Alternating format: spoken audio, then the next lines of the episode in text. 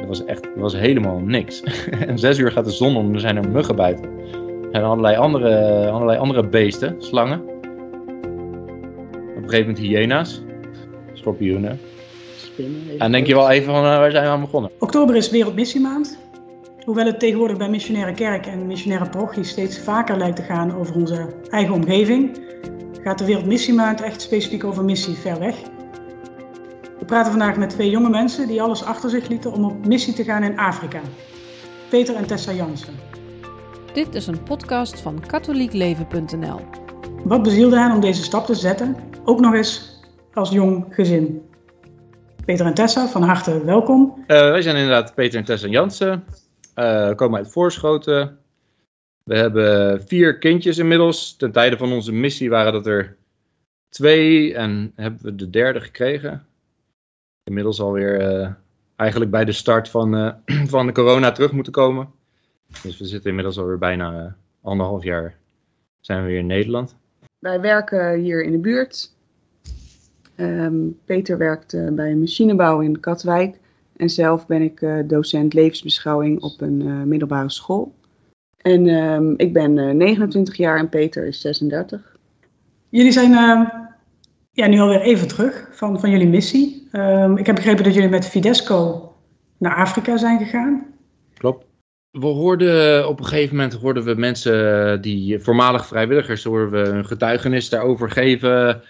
Um, ja, ook gewoon in het kader van uh, uh, missiepraatjes, inspirerende verhalen. En uh, we merkten eigenlijk dat we het, als we het erover hadden, dat we er beide wel heel erg enthousiast over werden. Dat we wel allebei merkten van dat we wel ook een, verlangen hadden om dat, om dat ook te doen. En, en nou ja, dan ga je bij Fidesco. Fidesco is gerelateerd aan de uh, geloofsgemeenschap waar wij deel uitmaken. Dus dat was een logische keuze om daar dan eens te kijken. En eigenlijk hoe meer we ons in verdiepten, hoe enthousiaster we merkten dat we erover werden. En ja, zo is het balletje eigenlijk gaan rollen. We zijn, ehm, normaal gesproken ga je twee jaar op missie naar één plek. Um, door omstandigheden hebben wij twee missies gehad. Wij zijn eerst in Zambia geweest. In um, Zambia was Peter. Um, ja, verantwoordelijk voor een uh, meubelhandel. Voor een meubelhandel. Voor die, operationeel. Die genereerde geld om zo een, een opleiding te faciliteren voor, voor, voor jongeren in de bush, zeg maar, van, van een jaar of 18. en in Zambia heb ik op een kleuterschool gewerkt. met een aansturende rol. Dus het was eigenlijk als, als, als, ja, als, een, als een baan. En dan in Zambia. Over, over Zambia. We, dus, we werkten eigenlijk samen met, de, met een opdrachtgever. De, de waren Comboni-missionarissen uit, uit Italië. Dus wat Fidesco altijd doet, die, die geeft gehoor eigenlijk aan hulpvragen van religieuze instanties uit derde wereldlanden. Die zeggen, we hebben de mensen nodig met in dat profiel. Um, en dan gaan zij op zoek tussen de vrijwilligers om te kijken wie daar het beste bij aansluit. En in dit geval waren dus Comboni-missionarissen die daar echt al jaren zaten. Wij uh, ondersteunden dan zeg maar hun werk. En het, was het voornamelijkste doel wat zij hadden was om uh, ja, opleiding voor de jongeren daar uit de bush uh, te faciliteren. Ze zaten daar echt in de bush tussen de grote stad. Echt 2,5 uur van de grote stad aan de ene kant anderhalf uur naar nog een, een groot dorp aan de andere kant. Maar dit was dan echt zeg maar in the middle of nowhere. En zij hadden daar dan de missie op zich genomen om uh, de, de, de, de jeugd en vanaf kinds af aan uh, ja, een opleiding te bieden. En hoe, is dat als je, hoe is dat als je dan in de, in de bush te, terechtkomt? Je zegt in de bush. Uh, wat moet ik me daarbij voorstellen? Wat zijn zeg maar, als het hard regent, dan uh, kom je het dorp niet uit. Dat, uh, als je, dan is de weg onbegaanbaar. Als je naar een uh, stad wilt, moet je eerst anderhalf uur op een uh, dasroad rijden voordat je bij een verharde weg komt. Ja. De enige manier die je dan kan nemen, waarop je die weg kan nemen, is of lopend of met een ossenkar. Die dingen die gingen. Ossenkarren. Gewoon een os en een kar erachter, die deed beter dan welke Land Rover dan ook. die mensen die hadden daar, van, sinds 2010 hadden ze überhaupt stroom. Dus het was echt helemaal afgezonderd. Dat was wel heel bijzonder om daar, eh, om daar te komen. Toen we daar ook aankwamen, er was geen water en geen stroom op dat moment. Dat haperde nog wel eens. En net toen wij daar, toen wij daar aankwamen, was dat er niet. Dus dat was echt even, ja, koude douche gewoon. Nou, geen koude douche, want er was geen water. De missie die wij overnamen was al een bestaande missie. En toen wij vertrokken, waren er alweer nieuwe onderweg om die uh, uh, missie over te nemen. En in Rwanda was dat dus heel anders. Daar zaten we in de hoofdstad. En um, daar hadden we niet echt een, uh, een, een omlijste missie. Moesten we die zelf een beetje creëren. En daar hebben we voornamelijk geholpen bij een gemeenschapscentrum. Daar hebben we kleine diensten gedaan, als boodschappen doen. En daar was een, ehm, een project dat wat straatkinderen opving. En daar hebben we ook zo geprobeerd om bij te dragen. Ik dan in het meisjeshuis en Peter in het jongenshuis. Waar Peter bijvoorbeeld heeft daar iets opgezet waarbij hij de jongens die daar zaten, heeft hij geleerd van goedkoop bouwmateriaal om, om, om fluitjes te maken. En die heeft ze ook geleerd om, om muziek te maken op die fluitjes. Ja, nou ja, het was helemaal in het kader van die kinderen ook weer een beetje opleiding geven, maar ook zeg maar hun ziel helen. Want ze zijn gewoon erg gewond, die kinderen. Die plukken ze van de straat, die komen bij centra terecht waar de politie ze achterlaat. En die, die, worden dan ergens geplaatst in een of ander centrum. En dit was een van die centra waar die straatkinderen dan geplaatst werden. Zeg maar tussen 12 en en 17 zo'n beetje zat daar. Dus uh, ja, ik dacht van met muziek is ook een stukje heling. Dus dat, nou, dat, dat, vonden ze daar een goed idee, dus dat, zijn we gaan doen. Maar dat, dat was een heel ander project. Maar de switch was eigenlijk omdat we zaten in Zambia um, en um, Eva, onze derde, die werd geboren. En in overleg met Fidesco hebben we toen eigenlijk gezegd, die plek in de bush, die zit te ver weg van goede medische zorg dus het is beter om uh, naar een stad te gaan. En toen kwam deze missie in Rwanda. Zaten we ook in de hoofdstad in Kigali.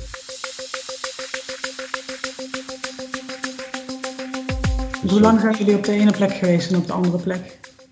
Ja, totaal is het ongeveer anderhalf jaar geweest. Waarbij ongeveer de helft in Zambia en de helft in, in Rwanda. Met nog een kleine tussenpauze in Nederland. Uh, waar we dan uh, Eva hebben gekregen. Jullie, jullie zeiden toen net van... Um, voordat jullie gingen, als jullie getuigenissen hoorden over missiewerk, dan, uh, ja, dan werden jullie daar heel enthousiast van. Welk aspect sprak jullie dan zo aan? De vreugde. De vreugde die. Uh... Ja, dat was inderdaad gewoon besmettelijk. Ja. maar het resoneerde wel inderdaad erg bij ons. Ja, wat was die reden? Ik denk uh, een stukje zingeving in je leven. Uh, eh, ontwikkelingshulp leek ons allebei erg nuttig. En, je kan natuurlijk geld geven aan iemand, aan een organisatie. Of je kan er zelf naartoe gaan. En dat leek ons ja, erg zinvol om te doen. En ja, het is ook een stukje avontuur. Leren van een, van een nieuwe cultuur. Hè. Het, het ging ook bij de vorming. Je krijgt van Fidesco een vorming voordat je gaat. Meerdere sessies, meerdere weekenden. Dan leer je over inculturatie. Ja, dat leek ons waanzinnig interessant om inderdaad een nieuwe cultuur, mensen die compleet anders denken, om dat te leren kennen. Dat is het een beetje. Maar het is vooral inderdaad het, het, het enthousiasme. Wat, dat we dachten van ja, dat is. het waren gewoon hele enthousiaste, blije mensen die, die allemaal dingen hadden gedaan. Niet per se dat ze nou een gemakkelijk leven hadden daar of zo. Maar het is gewoon heel erg ja, zinvol om daar, om daar mee bezig te zijn. Ja, het is, uh, je, je, krijgt er veel voor terug. En misschien hebben we nog wel meer gekregen dan gegeven. Zeg maar aan, aan inzicht, levenswijsheid, en, dat soort dingen. Ervaring, ontmoetingen. Ja, ja, ben ik razend benieuwd. Wat, wat, voor dingen, wat voor dingen denk je dan aan? Wat heb je teruggekregen? Als je zegt van we hebben meer gekregen, misschien wel nog wel al hebben gebracht. Nou, het belangrijkste inzicht vond ik zelf, voor mijzelf was um, dat we we leefden in, best wel simpele omstandigheden. Ik moest uh, in Rwanda bijvoorbeeld een, uh, een, twee kilometer lopen om. We hadden geen ander vervoersmiddel, dus we liepen. om waterflessen te halen. Dus ik, ik haalde dan elke keer zo'n fles van, van 20 liter. En ja, hier kan je dat gewoon uit de kraan halen. Maar ik was daar niet om aan het mopperen of zo. Het was, wel, het was wel lastiger, maar het had ook gewoon mooie dingen. Ik liep over straat, ik ontmoette weer mensen. Ik ontmoette sowieso het vrouwtje van het winkeltje wat uh, dat water verkocht. Misschien kwam ik onderweg nog wat mensen tegen. Uh, bottom line is eigenlijk van dat het, het hebben van uh, alles, het toegang hebben tot alles, het alles kunnen bestellen morgen in huis, het gemak hebben, dat is geen geluk. En dat was wel belangrijk voor mij om te realiseren, want ik, ik heb dat altijd wel met elkaar geassocieerd. Gewoon, gemak is geluk. En uh, alles, kunnen, alles kunnen kopen, uh, toegang hebben tot alles, keuzevrijheid, dat is geluk. Maar uh, dat is helemaal buiten de vergelijking. Daar, ik, ik, was daar niet de hele tijd super blij. Ik klaagde daar ook, ik klaagde hier ook, maar ja, het gemak dat had er in ieder geval niet mee te maken we moesten daar inderdaad 2,5 uur rijden om bij de stad te komen. Ja, nou ja, dan, dan hou je er rekening mee. En onderweg over die, over die hobbelweg, dan, daar ben je inderdaad over aan het hobbelen, een uur lang. En dan staan er een heleboel mensen van het dorp dan uh, langs de weg die, die geen auto hebben, die graag mee willen liften. Want je rijdt dan in zo'n grote 4x4 pick-up. Nou, dus er kan best wel wat man achterin. Kun je toch wel een uh, ah, tien Afrikanen zo uh, achterin die pick-up. Die zit dan ook helemaal vol. Dat is best gezellig. Dus geluk is niet gemak. Maar wat, wat is geluk dan wel? Ja, ja, dat weet ik niet. Dat weet ik niet. Dat kan ik je zo niet zeggen. Maar het, het, het is in ieder geval. Die gemak zit niet in de vergelijking. Dat is, uh, dat is toch wel mijn grootste les geweest. Grootste inzicht, eigenlijk.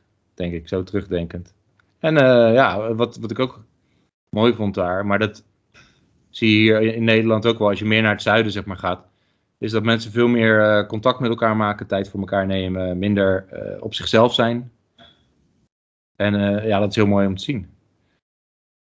Dus als, je, als we daar, vooral in, in Zambia, als we daar over straat liepen en, en met mensen die stopten om een praatje te maken, ze nemen alle tijd voor je, alsof er niks anders bestaat. Gewoon de relatie met anderen, het samen gemeenschap zijn, zeg maar, in dat, in dat dorpje. Ja, dat is zo belangrijk voor ze. Ik denk dat wat mij het meest um bijgebleven is, is dat door, door op, uh, op missie te gaan, dan uh, ja, ja, ben je toch best wel kwetsbaar. Je hebt uh, ja, je, je vertrouwde dingen laat je allemaal achter. En, maar door, dat, ja, door die kwetsbaarheid is er ook wel een soort, heb ik ervaren, sta je meer open voor, voor, voor bijvoorbeeld andere mensen. En um, en ik heb mij ook uh, ja, daar wel heel erg verbonden gevoeld met, met de mensen en, uh, en met de aarde en, en ook met God. Juist door die, uh, door die kwetsbaarheid.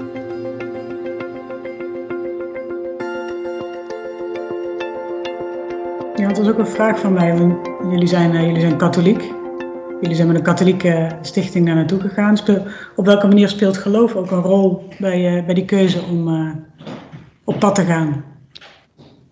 Um, nou, ik denk dat dat met verschillende uh, aspecten te maken heeft. Uh, voor ons was bijvoorbeeld ook heel belangrijk dat Fidesco een katholieke organisatie is. Omdat uh, um, ja, zij kiezen ook jouw missieplek uit. En um, het zijn toch allemaal biddende mensen.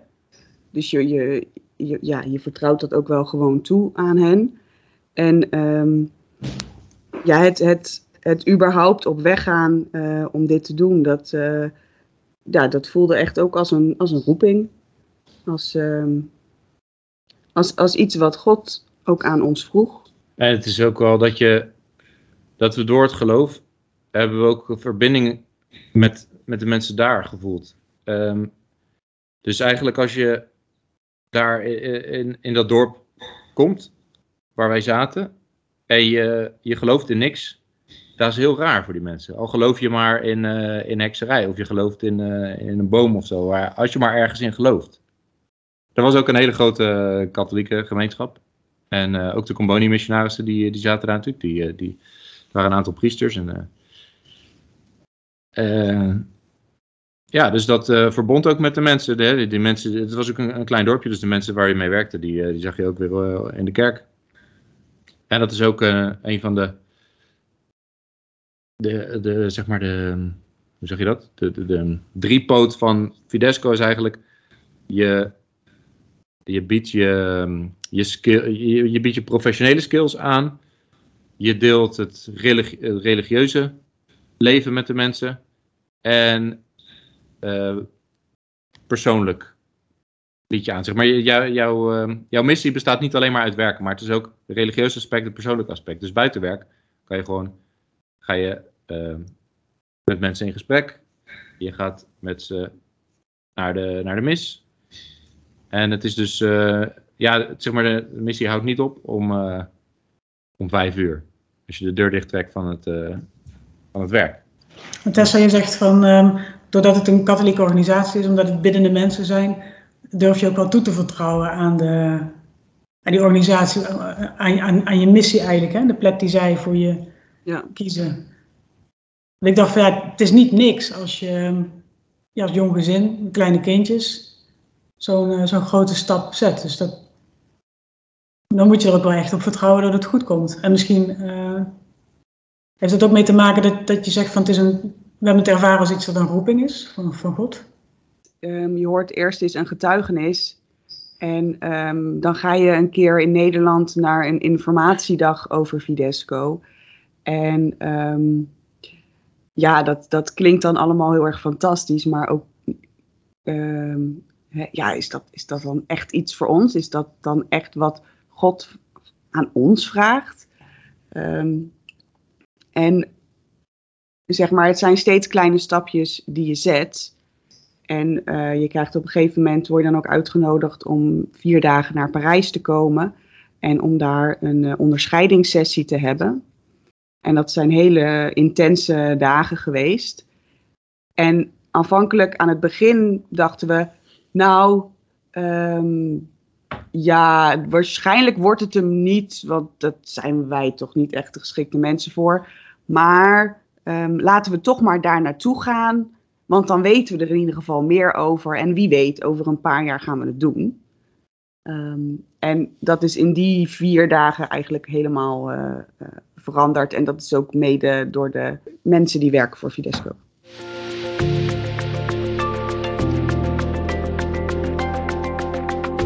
Het belangrijkste wat me is bijgebleven daarvan was eigenlijk dat ze ons voorstelden van het is niet een, uh, een kwestie van ga je op missie of niet.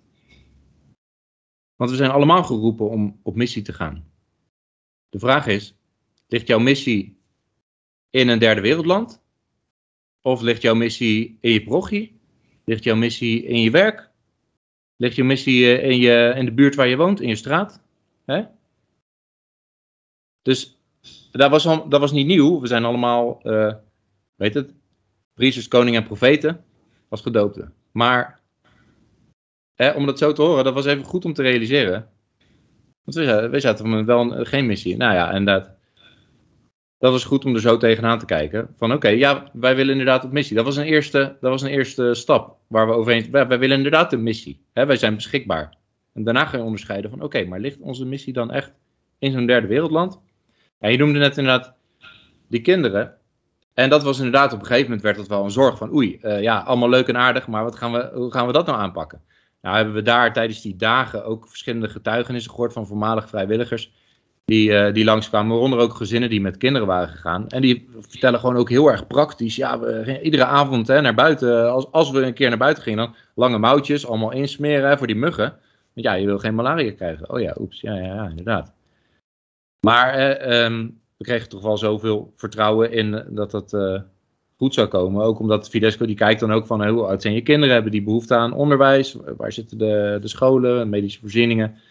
Dus dat, daar wordt allemaal wel absoluut rekening mee gehouden. Um, ja. Maar het onderscheiden doe, je dus ook niet alleen. Want um, zij onderscheiden ook over jou. Uh, ben jij geschikt? Of in ons geval zijn jullie als echtpaar geschikt. En, um, en is er een missie die dan bij jullie past, die wij hebben.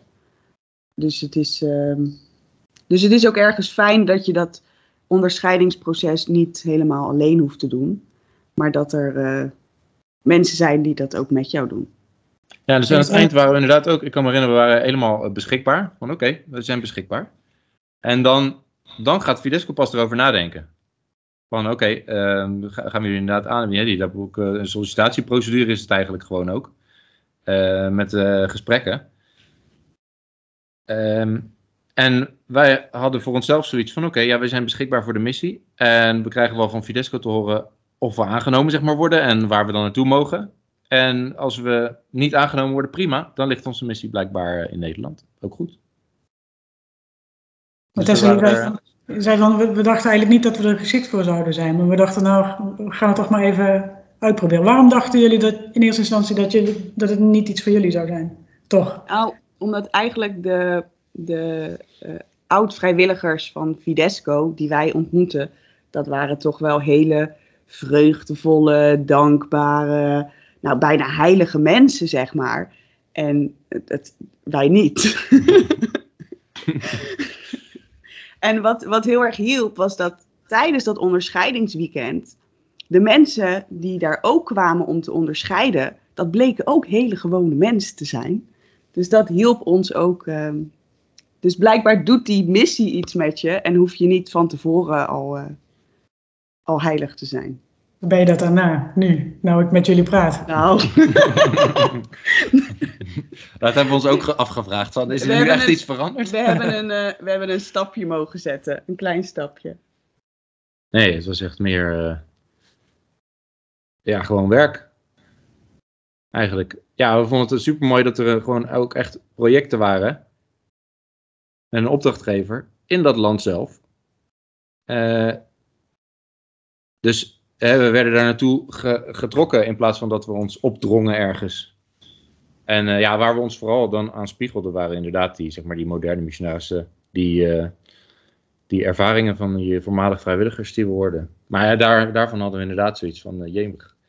Eh, zijn, zijn wij dat wel, zeg maar. Eh, want je moet het best wel eh, zeg maar, aan iedereen gaan verkondigen. hè. Het systeem is zo, je zoekt op een gegeven moment ook eh, financiering voor je project. En dan moet je zeg maar je hele, iedereen die je kent, ehm, ja, gaan, eh, gaan benaderen van, joh, schrijf jij je in voor mijn project? Wil je wat eh, doneren? Maakt niet uit hoeveel, maar eh, ik heb gewoon sponsoren nodig. En sponsor jij mij? Dus dan ga je echt iedereen benaderen. En dan, ja, dat, dat, dan jankt het wel aan de grote klok, zeg maar. Dus ja, we hadden wel voor onszelf zoiets van, ja, zijn wij dat wel? Die mensen die dan, eh, waar anderen dan voor eh, moeten dokken, dat wij dit werk kunnen doen. Weet je, kunnen, kunnen, kunnen ze niet beter iemand anders eh, sturen die dat veel beter kan dan wij. Maar goed, ja, dus bij die, bij die sessies ontmoeten we ja, allemaal mensen die ook gewoon hele gewone mensen waren. Die ook gewoon eigenlijk net als wij op zoek waren en geïnteresseerd. Ja, ik denk ook dat het moeilijkste was ehm, om, om deze keuze te maken, ook voor je kinderen. En je kiest ook voor relatieve armoede in zo'n eh, missieland. nou, daar had ik geen moeite mee. En ehm, toen we aankwamen in Zambia, zijn, ehm, zijn de kinderen en ik zijn ook best wel veel afgevallen.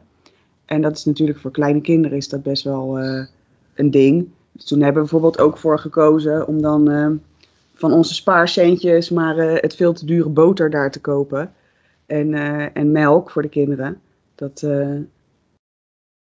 ja, dat is dan wel een, een eh, dat is wel echt een drempel. Ja, de kinderen. Maar dat is allemaal goed gekomen.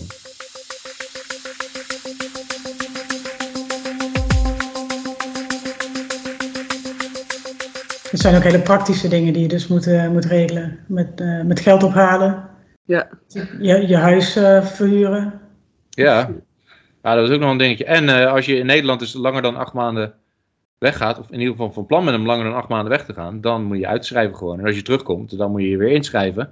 En dat betekent nogal wat. eh, vooral ook voor je belastingaangifte. En het, eh, ja, dat is toch. eh, eigenlijk kan je beter minder dan acht maanden weggaan. Ja, het is ook een stukje onthechting. En we hadden allebei een vaste baan voordat we weggingen. En dat zeg je dan ook op. Ja. Dat, ja, dat hoort erbij. Maar het is wel echt mooi om dan op zo'n manier. Je laat inderdaad echt dingen los. Inderdaad ook je vaste baan. En dat is gewoon vertrouwen op God. Maar wij zeggen ja tegen waar je ons naartoe stuurt. We geloven inderdaad dat we hier toe geroepen zijn. En we zijn beschikbaar. Stuur ons maar. Ja, is, uh, dat was wel, uh, en, uh, ja, dat was wel een heel bewust gevoel van dit zijn we inderdaad nu aan het doen. Hiertoe zijn we geroepen. En we vertrouwen ook op God dat hij voor ons zorgt. Dan denk je wel, echt de eerste week dacht ik, waar zijn we aan begonnen? Echt helemaal, helemaal, er was echt, er was helemaal niks. en zes uur gaat de zon om, er zijn er muggen buiten.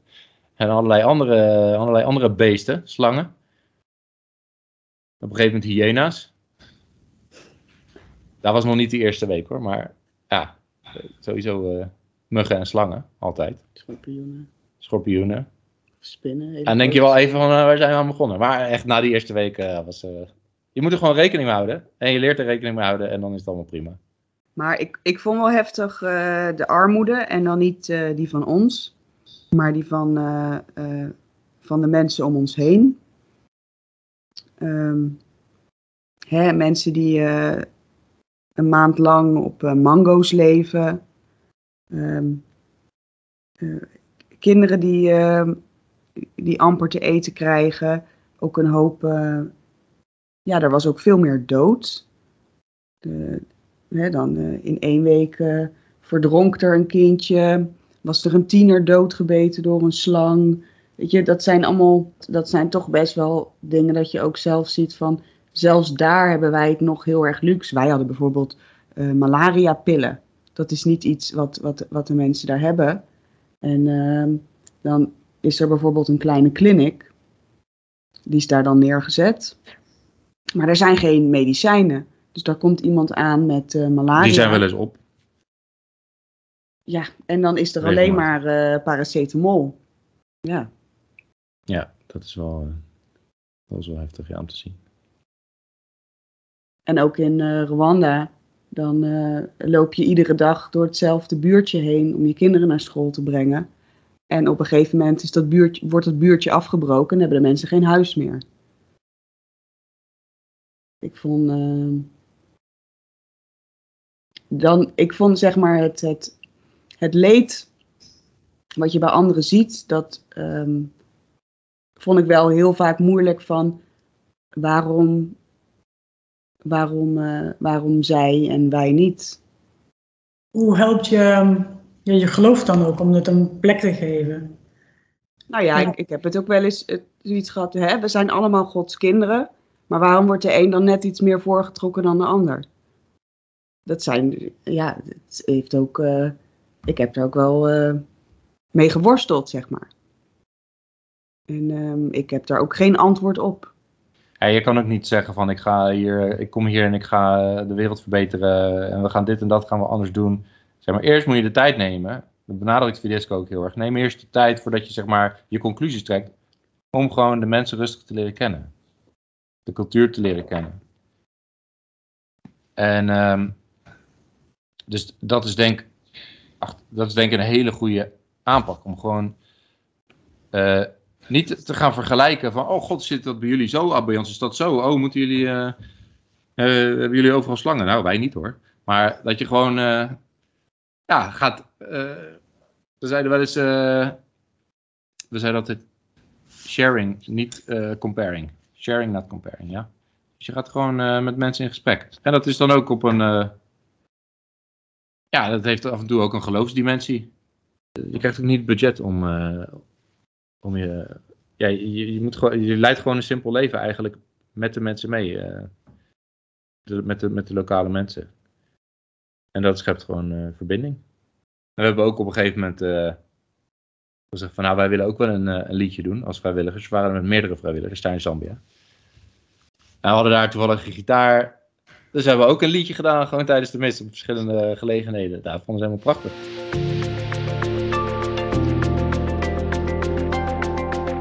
Ik dacht van, hoe was het dan om terug te komen? Is het dan dat je een vreemde in je eigen land bent? Of is het gewoon echt weer thuiskomen? En.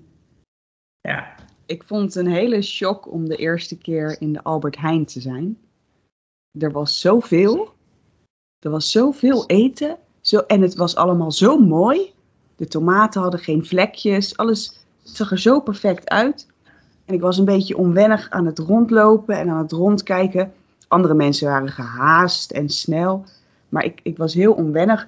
En toen zag ik de mevrouw bij de broodafdeling staan. Ik denk, nou, daar ga ik dan maar even een praatje mee maken.